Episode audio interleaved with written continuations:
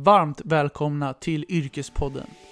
I dagens avsnitt har jag med en gäst som många säkert känner till. Martin Melin.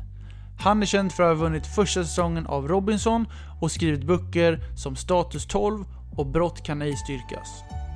Martins huvudyrke är polis och i dagens avsnitt går vi in djupare på polisyrket. Hur ser Martin på samhället idag? Varför sökte han till att bli polis? Martin berättar hur han mentalt förbereder sig för tuffa uppdrag på fältet. Martin berättar om sina livshistorier och ger superbra tips till hur man lyckas med sitt yrke och varför man inte ska ge upp sina drömmar. Nu kör vi!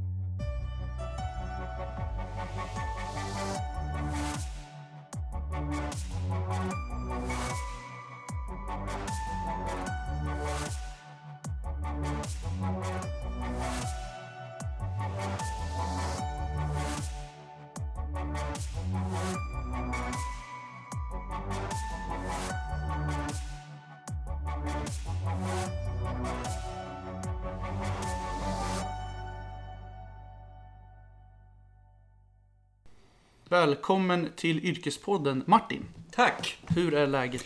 Det är bra. Det är ändå höst va, men det är liksom Det är ändå under kontroll än så länge. Hösten har inte... Eller, hösten har slagit till, men vintern har liksom inte kickat in. Så att... Jag, jag hatar ju vintern.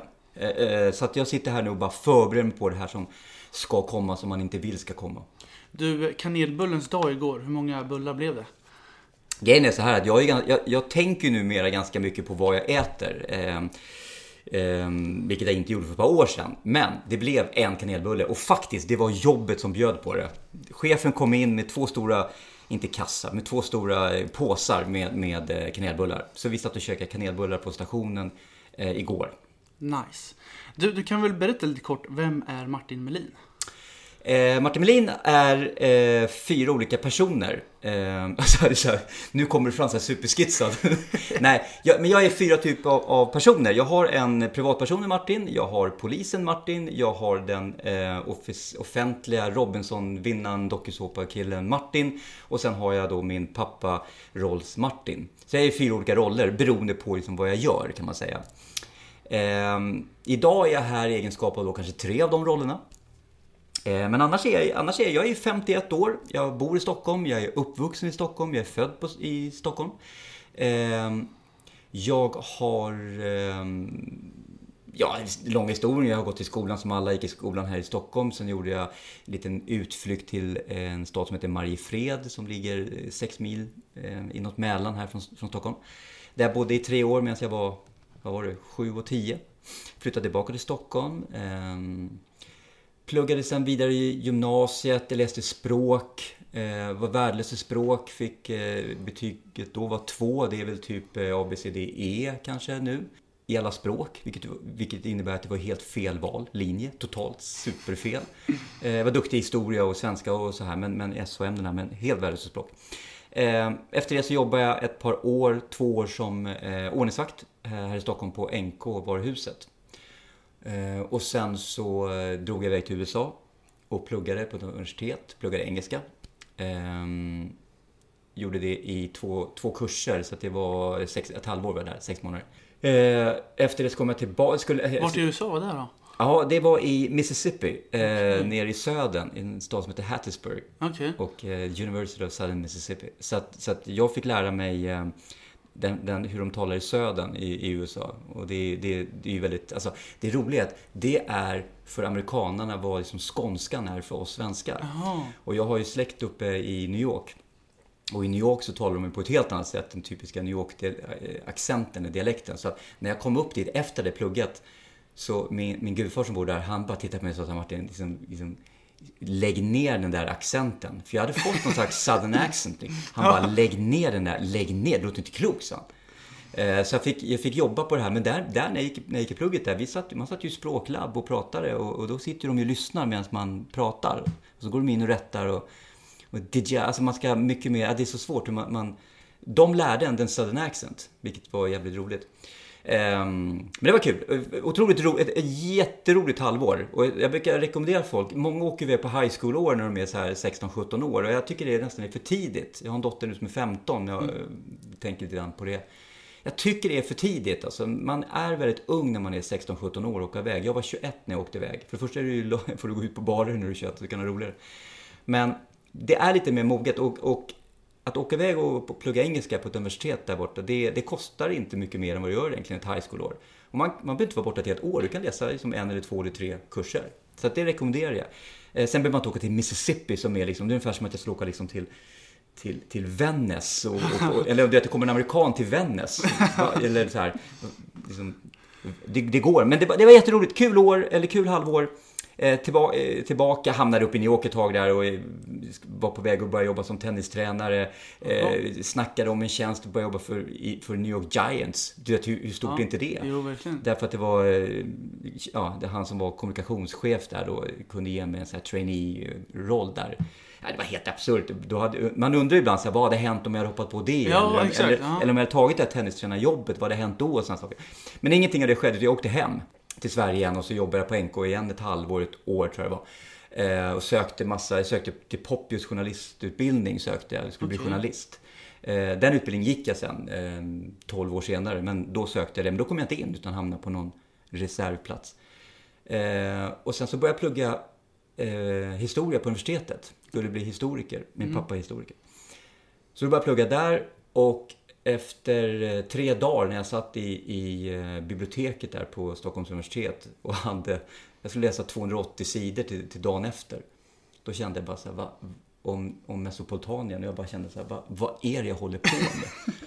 alltså seriöst, jag satt och tittade och så här, bara, det, här är, det här är ju inte jag alltså. Och jag tittade mig omkring och såg alla som satt och pluggade och strök under och skrev anteckningar och jag satt i princip med fötterna på bordet och läste liksom.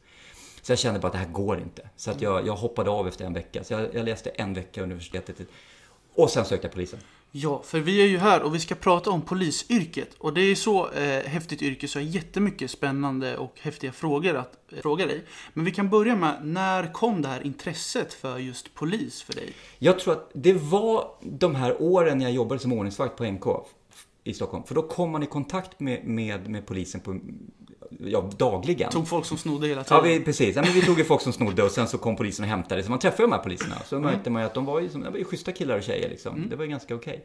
Sen var det så att bland oss vakter, vi var 8-10 stycken som rullade runt och jobbade. Så, så var det en efter en som liksom hoppade av, och, eller som började på Polishögskolan. Och kommer tillbaka och berättar hur det var och så här. Så att man kan säga att det var egentligen kompisar som, som väckte idén när jag såg att de blev poliser. Och sen var vi ett gäng, vi var fyra stycken som samtidigt sökte in på polisen och kom in på polisen. Så, men så att intresse, jag hade inga tankar på det här liksom förrän tre år innan jag sökte egentligen. Ja. Och då var jag ändå, jag var ju 24 när jag sökte, just det. Eh, så att när jag var så 17, 18, 19, inga tankar, jag skulle bli journalist. Men när du är inne lite på det här, när du sökte till Polishögskolan då. Eh, hur, hur går processen till att bli polis? För jag har hört att det är fystest, det är psykologitest. Hur funkar allt? Eh, idag, eh, det här ändras liksom så här var tredje, var fjärde år hur man ska göra. Så jag kan faktiskt inte svara på exakt hur det är nu. Okay. Hur var det när du men, Ja, men eller jag kan ta det var för tio år sedan. För jag jobbade med rekrytering för tio år sedan. Okay. Eh, man gör inte det på heltid, utan då hoppar man in när det blir det här, den så kallade sista intervjun. I princip var det att vi satt två stycken poliser och gjorde tummen upp eller tummen ner mot den som satt framför oss. Det var absolut, den absolut sista intervjun. Nu vet jag att man har tagit bort många av de här momenten. Men det som finns kvar, man kan säga generellt sett är det så här, du, när du gör test, de tester du gör är en fysisk, är en fystest. Vad gör man då? då eh, ja, återigen, det ändras var tredje år. Men, men det handlar i princip om att du ska cykla på en cykel där de testar egentligen din lungkapacitet och din kondition. Du har en grepp där du ska greppa en sak med handen och krama åt. Man känner liksom din greppstyrka som ska vara på en viss. Det finns alltså folk som har för, de är för svaga och då klarar du inte ens av att skjuta med pistol till exempel. Ah, okay. Eh, så att de känner greppstyrkan. Och det, det, det här är sådana saker man kan träna upp ganska enkelt. Eh, och sen så är det sista man har, en, man hade i alla fall för något år sedan, att man ska, då, man ska dra en, en stång uppåt som sitter fast i en maskin. Så man känner, mm. där, där får du ryggstyrka. Så att det är ju alltså styrka i ben, styrka i rygg, styrka i, i, i grepp och sen bra kondition. Det är det man testar.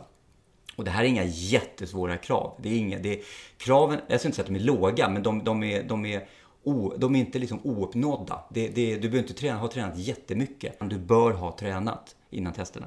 Sen har de, en, sen har de då psykologen naturligtvis, då går du att prata med. Och det, Det är här inte- vill jag verkligen höra. Vad Ja. är det för frågor som ställs i den där psykologin? Ja, men det, det är ingenting man pratar om, utan det, det finns ju på olika forum där det berättas om det här. Men det är, alltså, det är ett samtal. Okej. Eh, och de här psykologerna är ofta ganska skickliga, naturligtvis genom sin erfarenhet, på att kunna plocka ut om en människa är eh, lämplig eller inte lämplig. Och de har gjort fel de också flera gånger naturligtvis, men inte sällan så har de rätt. För när, vi, när jag jobbade med det här, då satt ju först vi en timme och pratade med den sökande. Och sen gick den sökande till eh, psykologen och satt och pratade en timme. Och sen träffades psykologen och vi och eh, hade då eh, individuellt gjort en bedömning först. Sen lägger vi upp de papperna och sen så pratar vi om de bedömningarna vi har gjort. Och väldigt ofta så hade vi gjort samma bedömning. De gångerna jag hade sett att den här personen, den här personen är inte lämplig som polis. Den här personen har inte det som jag tycker att en polis ska ha. Och väldigt ofta så hade psykologen kommit fram till samma sak och vi hade sett liksom samma brist så att säga. Så att de är väldigt skickliga de här psykologerna på, på att plocka ut saker och ting. Jag vet att de har gjort fel för jag har bekanta till mig som har sökt som inte har kommit in och sen kommit in senare och de har fallit på psykologen och det har varit helt obegripligt. Ehm, Så man ska inte ge upp även om man... Nej, nej, nej, om nej, man, om nej, man nej. skulle inte klara Nej. psykologitestet. Nej, till verkligen inte. För det kan vara att du har i princip svarat fel, alltså fel citattecken, Mm. eh, för den här psykologen. Du kan ha, eller du kan ha liksom börjat u- börja liksom utveckla ett visst svar och liksom, eh, som, där du, liksom, du känner själv egentligen, nu är jag på väg någonstans där det här inte riktigt stämmer, men nu måste jag slutföra det här jag har börjat prata om. Liksom. Ja, Eh, istället för bara som, vänta lite nu, det, här- nu, det här kändes inte rätt. Det, jag- det jag menar är att man kan bryta där. Och man, man liksom, för jag vet att psykologen säger det ibland att ja, eh, man märkte att personen kunde inte få ihop tanken och kunde inte, du vet så här. Eh, Så man ska absolut inte ge upp, ge upp om man inte klarar psykologtesten. Men det som de flesta faller på idag är det så kallade begåvningstestet. Vad är det för något? Det är ett test helt enkelt där du ska... Ja men det, det är ett begåvningstest. Man säger det är som siffran 2, 4, blank, 8. Vad ska det vara på den blanka? Jaha, Mm, 6 då. okej. Eh, alltså det, fast, fast eh, lite mer avancerat naturligtvis. Men det handlar om att kunna se eh, logiska lösningar och sådana saker. Jag, jag är lite kritisk till det, till det här det testet faktiskt. Okej. Därför det handlar, är du naturvetare och har du jobbat med det här så har du en fördel. Är du som jag till exempel en humanist och, liksom, och, och läst språk och allting, då har du svårare för det här.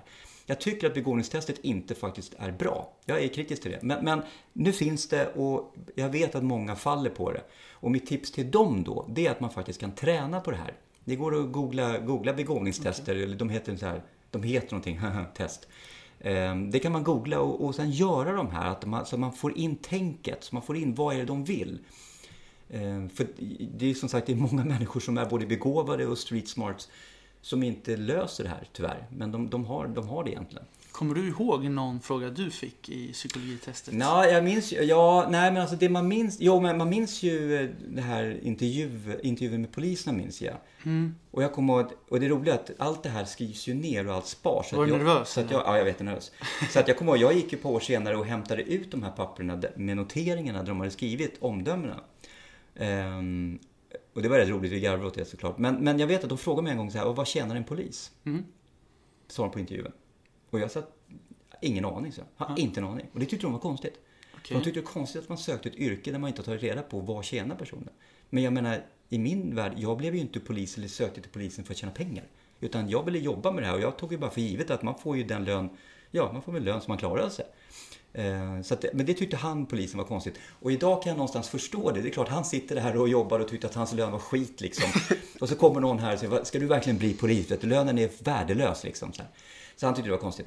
Men annars är det ju, det är såna här saker, det klassiska, och det här är rätt dumt egentligen för att när du sitter där så är du ju inte polis och du vet ju inte vilka regler som gäller.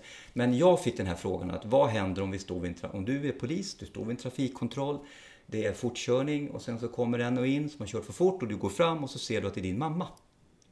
Vad gör du då? Ger du böter eller säger du mamma det här var dumt men åk vidare? Vad gör du? Mm. Och här, den här frågan får vi egentligen inte ställa därför att du är ju inte polis, du vet ju inte vad som gäller.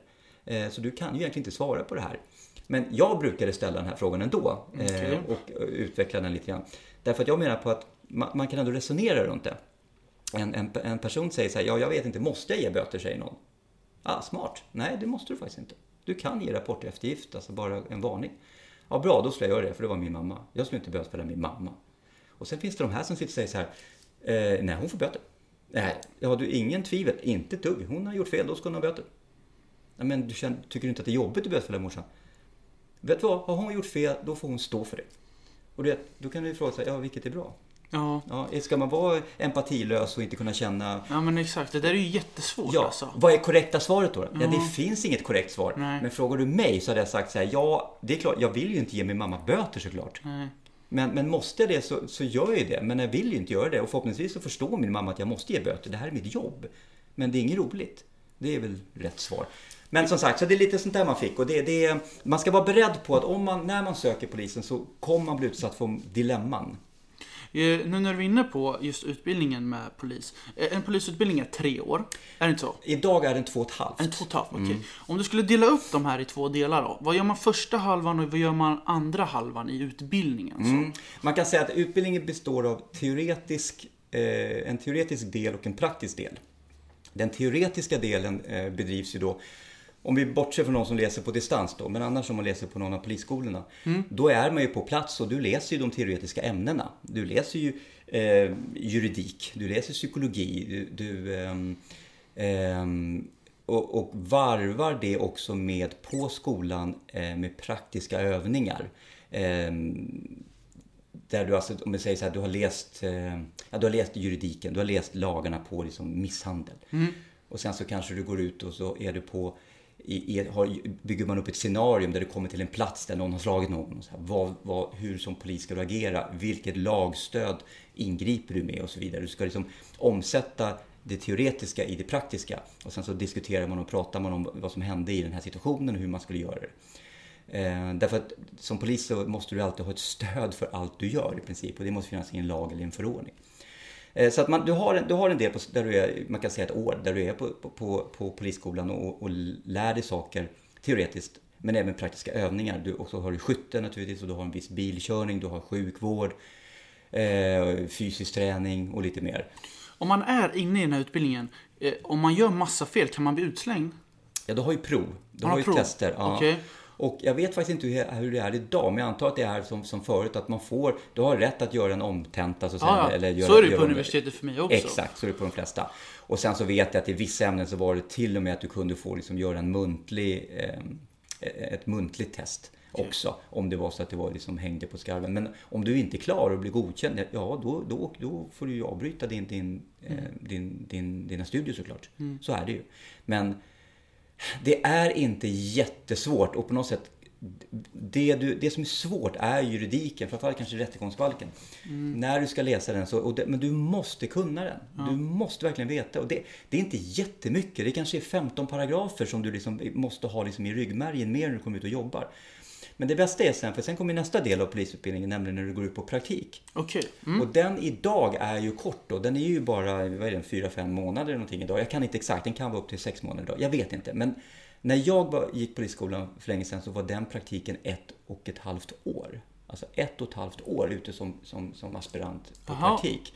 Den är nedkortad nu, jag tror att den är ett halvår bara. Eh, och då jobbar du ju i ett arbetslag ihop med då, så att säga, färdiga poliser. Och det är egentligen där du lär dig faktiskt. För där tvingas du agera och du tvingas använda liksom, de kunskaperna du har. Och har du inte dem så får du fråga någon. Och jag lovar dig att om du gör någonting som är halvfel eller någonstans där du måste fråga någon. Du kommer aldrig glömma det. det där lär du dig verkligen. Har man något sluttest i slutet av examen? Eller är det något prov? Eller är det någon Nej, det i- uppsats? Eller något? Det är inget sånt? Nej, ingen uppsats Nej. och, och ingen, ingen... Eftersom det inte är en högskola så, så behöver du inte heller egentligen eh, skriva några uppsatser. Ehm, utan det, det är de prov som är och det finns ingen examina liksom på något sätt. Utan vi har, det, fin- det finns ju större och mindre prov finns det ju sådana Ja, saker. Och sen att du ska klara rent fysiska tester finns att du ska kunna klara, vi har väl någon tre kilometers löpning och ibland har, någon gång har det varit någon mil man ska springa och sådana saker. Och det är samma sak med självskyddet, du ska visa upp att du har de här kunskaperna. Bilkörning, du måste klara vissa banor, vissa tider. Så att det finns ju liksom hela tiden eh, saker du måste prestera och, och- bevisa, eller, visa rättare sagt att du kan. Men inga, inga slut, liksom examen. Hur gick studietiden för dig då? Var det, har du alltid klarat allt eller har det varit berg och? Nej, jag var rätt motiverad faktiskt, så det gick rätt bra. Ehm, låg väl lite över snittet kan man säga liksom. Men, men nej, nej, jag har ju haft... När jag är, de gånger jag varit studiemotiverad, vilket var bland annat när jag pluggade i USA, men också polisskolan, så har, har jag liksom presterat väldigt bra. Hur gammal var du när du sökte till eh, Polishögskolan? Jag var, jag var 23 när jag sökte, va? Ja, just det. Vänta. Ja, det var jag. var 20, 20, nej, 24 var jag när jag sökte. Och vart, 24. vart gick du? eh, I Solna i Stockholm här, i Sörentorp, som man har lagt ner, eller man håller på att lägga ner nu och flytta till Södertörns Okej eh, högskola. Men du, om vi går in i lite, eh, typ en arbetsdag för dig. Eh, hur det ser ut. Eh, för jag var inne på lite på, som polis kan man ju både vara på fält och man kan vara på kontor.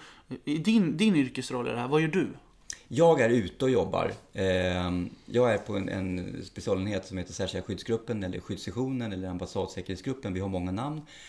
Eh, vi är, det är inte så många som vet vad vi gör. Och det finns många fördomar och det finns många myter och sådana saker. Vad vi gör. Men vi har olika uppgifter. Vi jobbar bland annat i uniform i polisbil. Men vi är inte en så kallad ingripande patrull, vilket kan misstolkas som. Eh, det är alltså, en ingripande patrull är en så kallad vanlig polis, om vi säger så, Okej. som jobbar. Eh, men sen jobbar vi också även med civilt, så vi jobbar med personskydd och vi jobbar med Ja, vi har lite olika uppgifter kan vi säga. Eh, Men vi jobbar, en av våra uppgifter är också att, att biträda den så kallade vanliga polisen, IG-patrullen, vid eh, prio 1-jobb. Det vill säga vid, vid, vid större och allvarligare brottslighet. Eh, vilket är naturligt för vi kan ju inte hålla på, vi kan ju inte, det kan inte vara någon som hugger någon med yxa runt hörnet och så, så tycker vi att nej men det här är inte vår uppgift. Utan det är klart att då är vi ju med. Ja. Alltså, så att vi är fortfarande poliser på så sätt. Men, men generellt sett för en, för en vanlig, en, en, en, om vi ska ta en van, vi ska kalla vanlig polis som har den vanligaste enkla, när, när du kommer direkt från polishögskolan så kommer du förmodligen hamna på en ordningsavdelning eller en IG-avdelning som det heter idag, ingripande eh, polis. Eh, och då jobbar du i uniform i polisbil. Du hamnar förmodligen i ett turlag eller i ett arbetslag på något sätt. Eh, och idag finns det då så lokalpolisområden som det heter. Eh, och du hamnar på lokalpolisområde och där kanske det finns, det beror på var i landet du hamnar någonstans. Men det kan vara allt emellan att ni är 7-8 poliser till kanske 25 poliser i det här arbetslaget. Och där handlar det helt enkelt om att du, du åker ut i din polisbil med, med en partner och sen så är det att eh, svara på de anrop som, som kommer över polisradion eller ingripa om det ni själv ser. Och jag antar att när man jobbar som polis så måste man vara beredd på arbetstiderna. För du kan jobba dag, du kan jobba natt, du kan jobba kväll, allt möjligt. Är det inte så? Du jobbar julafton, eh, nyårsafton och midsommar och du jobbar helger och du jobbar nätter. Exakt. Alltså det är obekväma arbetstider. Och det här får du är du på en IG-enhet, alltså ingripande, då får du räkna med att det är det här som gäller. Eh, Du kan ju sen efter ett par år välja andra arbetsuppgifter. Det är det som är så bra med polisen. För att polisyrket är ju väldigt brett. Det finns väldigt mycket att göra inom polisen. Som vi sa, jobba på kontor. Man kan alltså gå in och jobba som utredare. Och du kan jobba som olika utredare. Du kan jobba med att utreda våld inom familj. Eller du kan jobba mot sexualbrott. Eller du kan jobba mot eh, trafikbrott. Eller, alltså det finns så mycket olika. Och även i den så att säga uniformerade, på den uniformerade sidan så kan du bli hundförare, jobba med hunden. Du kan bli sjöpolis eller trafikpolis eller insatsstyrkan polis. Alltså det finns så himla mycket att göra. Det finns väldigt brett. Och det här är det inte många som tänker på när de blir polis. Utan sen de går in och tänker jag ska åka polisbil och ja, åka blåljus och sirener. Men sen efter något år så möter man de här olika enheterna, de olika poliserna. Så får man kanske upp en nyfikenhet. Men hundförare vore kul att vara. Fan, de verkar roligt. De... Och så kanske man går liksom fnular på det lite grann. Du, jag såg på din Instagram nu i veckan att du har ju jobbat eh, som polis nu den här veckan. Eh, Och då tänkte jag, kan inte du berätta lite vad, vad ni har gjort för rutiner den här veckan? Vad, vad har ni gjort? Just den här veckan har ju varit väldigt då speciell eftersom vi har haft eh, utbildningar tre av, tre av de här Ah. fyra dagarna. Eh, Så att vi, vi har tränat eh, Vad är det för utbildningar då? Typ? Polcon heter det. Det, det. det. Egentligen kan man väl säga att det kommer lite efter terror här och det är lite så här att vi har var sjätte, eller en gång i halvåret så ska vi ha en tre dagars utbildning. Då vi jobbar egentligen mot våld mot polis. Eh, Där vi tränar på angrepp mot polis, alltså mot oss. Och det kan vara en terrorattack eller det kan vara en, en psykiskt sjuk människa. Eh, Och de här dagarna har vi tränat bland knivattack. Så vi har tränat på om någon då ska attackera oss med kniv. Och då eh, tränar man på olika scenarier och vi tränar också även fysiskt rent hur vi kan avvärja oss, hur vi ska eh, bekämpa en person med kniv. Och då är det 100% fight med kollegan liksom? Ja, det är, alltså, alla är ju tävlingsmänniskor så att det är alltså, du, alltså, man, du, Ja, jag ser du massa ju blåmärken. Ja, Ja. det här, alltså, det, är, det är, folk tar i och det, instruktörerna får stå och säga det, ta det lugnt. Men det beror på, alltså det är... Det, det, ja, det, blir, det, alltså, det måste ju vara lite Det är lite sån också. miljö i polisen alltså? Ja, eller- det är ma- machomiljön. Men det är så här- menar med det här med att 100% är allt. Liksom. Ja, men det är också att du kan inte hålla på liksom om, om du inte tar i någonstans så blir det inte, så kommer, alltså det blir ingen träning. Det blir liksom inte rätt. Utan det måste vara att kniven kommer och det gör lite, även fast det är plastknivar så, så det gör ju ont, du får på det. Så att det, det, det måste, det blir riktigt. Och samma sak med scenarierna. Vi använder ju alltid skarpa vapen när vi kör vissa scenarion. Eller så har vi så kallad FX, vilket är en sorts paintball kan man säga. Och de gör ont också, men framförallt så blir det mer riktigt. Så att man inte bara springer runt och ropar pang pang. Utan övningarna måste vara realistiska och det måste liksom vara så nära verkligheten som möjligt. Så att de här utbildningarna är väldigt bra och i Stockholm genomförs de här alltid och vi har de resurserna så vi kan genomföra de här. Men jag vet att ute i landet ibland så får de ställa de här utbildningarna på grund av resursbrist. Men just det att, att träna eh, är väldigt bra för att som du tränar kommer du att sen agera. Så att har du en bra träning och en bra grund då känner du också trygg att gå in. Jag känner mig väldigt trygg att gå in i i princip alla situationer som finns. Och jag har varit i ganska skarpa situationer och då har jag liksom agerat efter faktiskt hur jag har tränat. Glöm inte bort att kika in grandfrank.com. Ni har 15% rabatt på hela sortimentet om ni uppger rabattkoden Yrkespodden i kassan. Grand Frank är ett modeföretag som säljer skjortor, klockor, accessoarer med mera via sin e-handel. Senast jag beställde var en ny klocka från den nya kollektionen Minneapolis som nu finns ute på hemsidan. Tack Grand Frank! Du, eh, jag satt faktiskt och eh, kollade på TV häromdagen på Södertäljepoliserna. Och jag eh, satt och kände att det här är ju för jävligt vissa grejer som händer. Och man blir ju rent satt arg. Jag ska bara nämna några här. att Det var några 18-åringar som hoppade på polisen för att de ger dem en p-bot. Att de hoppar på polisen för det. Pratar med en 25-årig kille som har köpt ut sprit till 14-åringar och är, är riktigt kaxig mot polisen och ska spela tuff och, eh, och, och få de här ungarna att vara jättetuffa. Och då undrar jag, känner du av så att eh, den här jargongen, att när du är ute på fält, att får, får du möta sån, sån här attityd?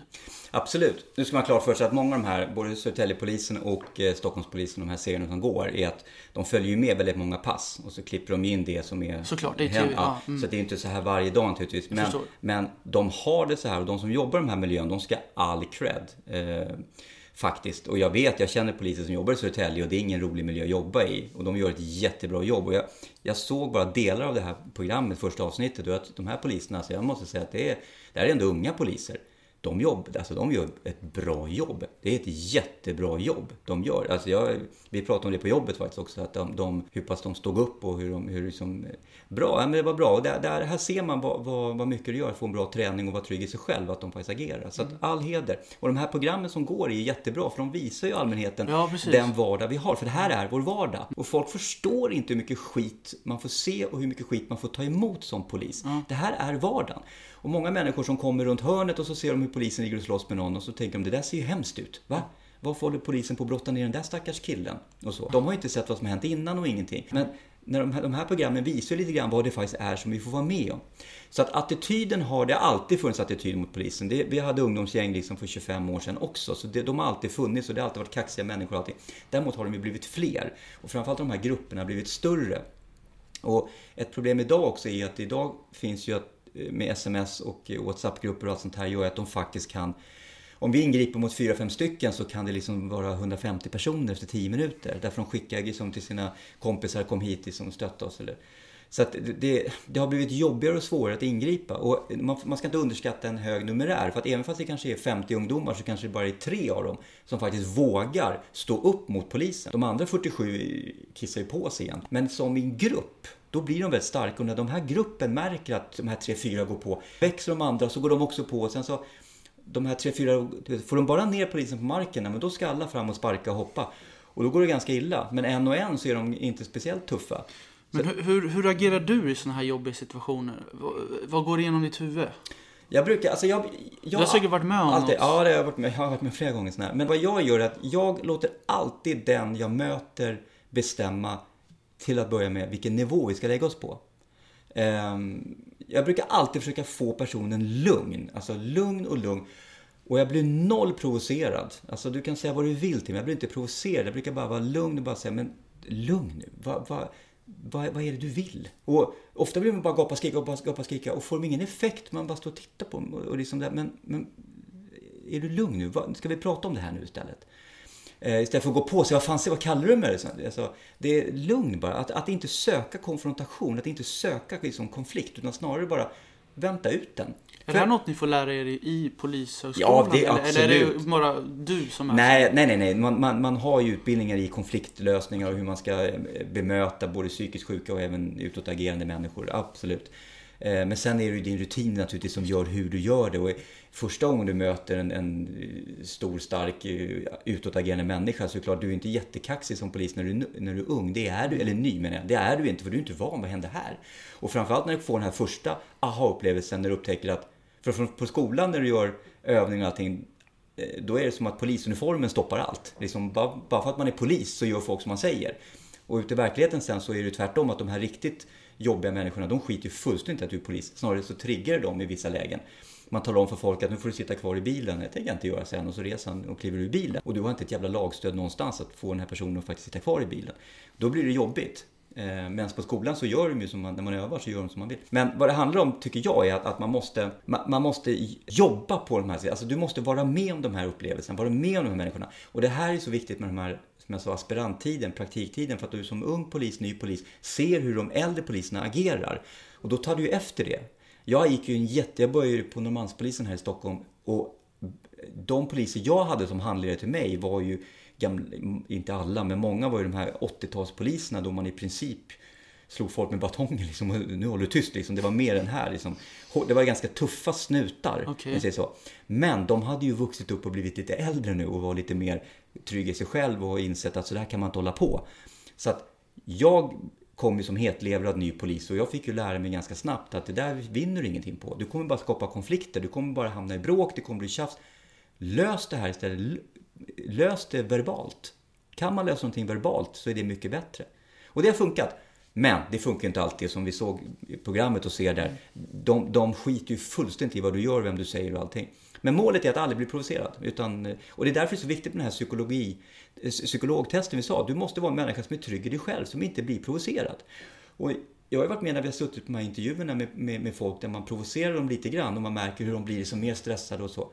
Ja men då mm, ska man bli polis om man blir snabbt stressad och man, har liksom, man, man blir kränkt och sådana saker. Det, man får inte bli det. Utan det, det, man må, alltså, det är, och sen får man inte glömma bort också, det här vad de säger är ju inte till de här poliserna som personer utan de säger ju, de kallar ju folk, eller poliserna, saker för att de är poliser. Det är så att säga uniformen de går på, det är inte dig som person egentligen oftast.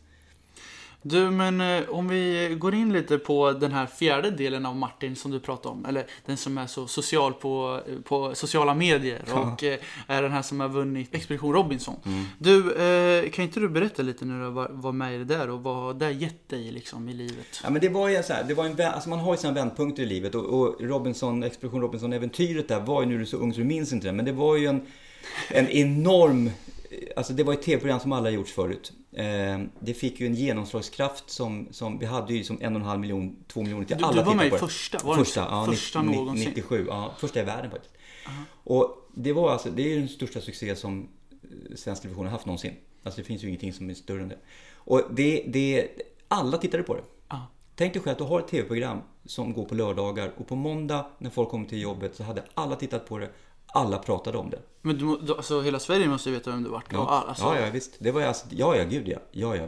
Och vi blev, vi blev ju superstars eh, och, och, programmet slutade i december och jag hade ett halvår där, där det, det var, var bara med det pratades om. Men då kunde du inte jobba lite som polis då? Nej, eller jag tog, du... nej det gick faktiskt inte. Så jag tog tjänstledigt i sex månader. Mm. För det var, det var, jag, jag var ute ett tag och jobbade där men det var ju sjukt. Jag hade ju folk som satt på stationen och väntade på mig. Ja, men alltså, det, på riktigt, det, var, det, var, det låter, låter fånigt att säga så men det var ju löjligt och ingripande hela tiden var det folk. Det är du, ja men det är Martin. Ja. Alltså, kommer det sig att du sökte till Robinson? Var det för nya utmaningar? Ja, eller det, mm, tävling, alltså, tävlingsmänniskan som jag är och sen så jag såg det här på så här, det fanns text-tv, det finns ju fortfarande. Där de gjorde reklam för det här. Ehm, och sen där, vill åka ner och tävla i Malaj, eller Malaysia tror jag de sa då. Och att det är en tävling, det var ingen som visste vad det här var någonting. Och jag tänkte tävling, ja, men jag söker väl. Och så bara sökte jag så blev det ju olika uttagningsprocesser. Och sen kom jag med. Och sen så vann jag och det är ju en kombination, tävlingen är ju ingen överlevnadstävling utan det är en social tävlan. Och eh, jag har väldigt lätt att vara social, lätt att umgås med olika typer av människor och lätt att falla in i grupper, Jag är en gruppmänniska. Det i kombination med att jag då hade de fysiska förutsättningarna eh, plus då naturligtvis tur också med hur olika röstningar och så funkar. Så att allting klaffade och så vann jag det helt enkelt. Och efter det så, så ändrades livet för mig. Eh, Fick massa erbjudanden, jobbade ett tag på TV, jobbade på ett produktionsbolag. Fick massa erbjudanden att, att eh, gå in och jobba framför kameran också, inte bara bakom kameran. Eh, Men gjorde ett val att stanna kvar som polis. Eh, Tyckte det var roligare. Eh, Men känner du att det här med offentligheten och att stå i rampljuset, är det något som du trivs med eller är det någonting som du... Ja, nu har jag, nu har jag liksom varit så här officiell liksom i 20 år och eh, det är absolut inte vantrivs. Absolut inte. Det finns, nej, absolut inte. Eh, jag tycker det är väldigt roligt i många lägen. Väldigt kul. Jag älskar när man får åka iväg och hålla föredrag inför liksom 600 människor. Jag tycker det är jättekul och när det ger någonting. Och när folk kommer fram efteråt och bara säger så här, vet du vad, det här var det bästa jag hört alltså. Eller när jag skriver, jag skriver ju böcker numera också. Och när jag skriver böcker och någon kommer fram på stan och bara säger så här, jag läste din bok. Fan vad bra den var, när kommer liksom nästa? Och då blir jag så- sånt där. Och det är som jag sa, när Det folk- där ger ju energi. Ja, jag alltså. ger jättemycket energi och när folk skriver på Instagram får så här, du vet, ja, men det skickas så här 78 DM om dagen får man. Och det, hälften läser man inte ens för det är bara konstiga kommentarer eller så här olika saker och ting. Men så kommer någon och säger så här, åh jag läste din bok, jag hittade en grej som jag frågade om i boken. Och då blir jag så här, wow! Då blir jag jätteglad. Perfekt, en läsare och en som engagerar sig, vad kul. Så det, då, då blir man så här, som säger, man får energi av det som 17. Så det är jättekul. Du är ju väldigt aktiv på Instagram och vet du, jag har ju kollat runt lite på Instagram nu och sett att eh, det är ju lite inne att vara polis och ha Instagram. Mm. vad kommer det, vad, vad kommer det sig? Det har vuxit. Jag tror att det har Är det du som har startat den trenden? Eh, Jag var nog bland de första, eh, ja jag var definitivt första polisen som var på Instagram. Det är det svaret ut- vill ha. Ja, men det var jag, absolut. Eh, men sen är det ju flera som har kommit där. Och jag, jag, vad det var i början för, om igår, kanske fyra år tillbaka, så var det ett motstånd för, inom myndigheten. Poliser ska inte vara på Instagram, vi ska inte visa upp eh, oss på sociala medier. Vi ska, där ska vi inte finnas.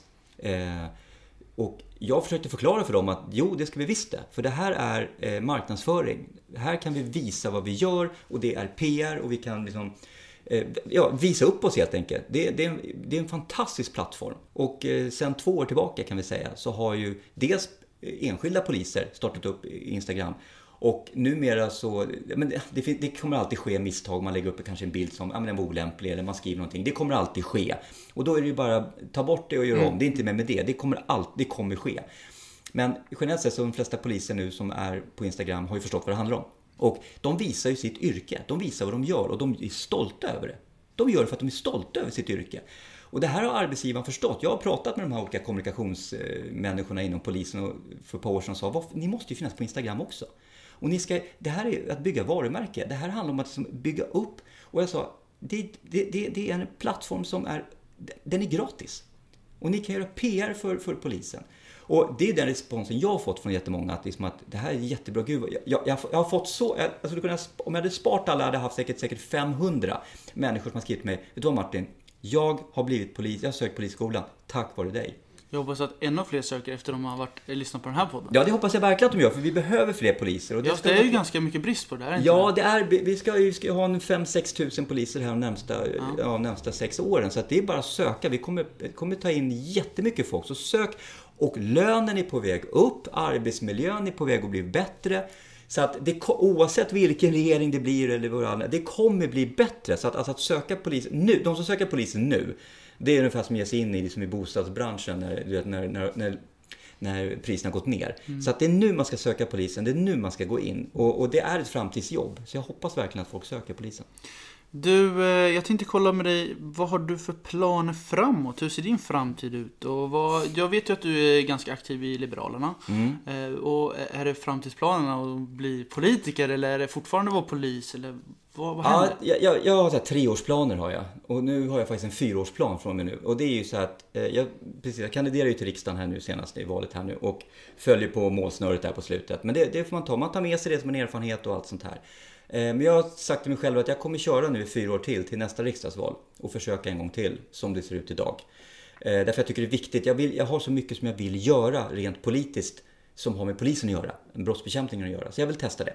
Men jag kommer att jobba kvar, eller målet är att jobba kvar som polis under de här fyra åren framåt. Eh, förmodligen där jag är nu, jag trivs väldigt bra på den enheten. Jag kommer att fortsätta att skriva böcker, eh, åtminstone en gång, en, en, en varannat år ska jag fortsätta med. Eh, och sen så har jag lite andra projekt, så här små projekt som alltid dyker upp och kommer och sådana grejer. Så att, eh, så att jag tror mitt liv kommer att se ut ungefär som det gör idag faktiskt, tre, fyra år framåt. Du, om vi ska knyta ihop den här säcken nu, Mm. för jag har pratat en stund. Eh, då ska du få ge avslutande tre tips. Eh, och då ska du tänka så här att de här tre tipsen, det ska vara till en som ska söka till polisen att bli polis. Mm. Så vad är tips nummer ett? Tips nummer ett är att var inte för ung, utan se till att du har gjort lite saker innan du söker polisen. Det kan handla om att du kan ha rest runt i världen och sett saker och ting. För att resa ger väldigt mycket erfarenhet. Det kan vara att du har haft ett jobb eh, som fritidsledare eller som eh, Ja, whatever. Något jobb där du har jobbat med människor inom sjukvården, inom psykvården, whatever. Men att se till att du har haft ett jobb ett tag där du har, har, där du har jobbat, alltså måndag till fredag eller helger, whatever. Du har haft ansvar. För det är väldigt viktigt. Det, är- det är nummer ett. Tips nummer två då? Nummer två är att eh, se till att du förbereder din bekantskapskrets på att du ska bli polis.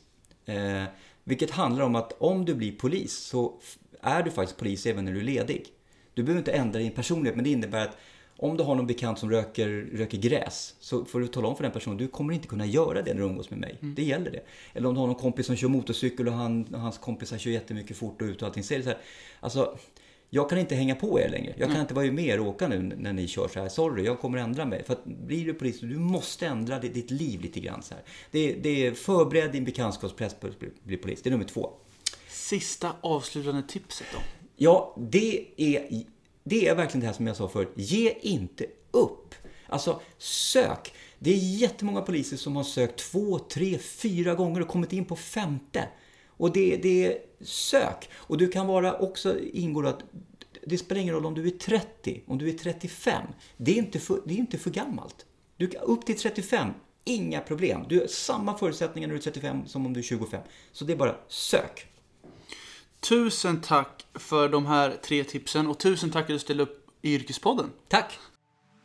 Tack för att du lyssnar på Yrkespodden. Jag skulle bli superglad om du delade avsnittet eller betygsatte podden i podcastappen. Prenumerera gärna på Yrkespodden för att få notiser på alla avsnitt. Tack!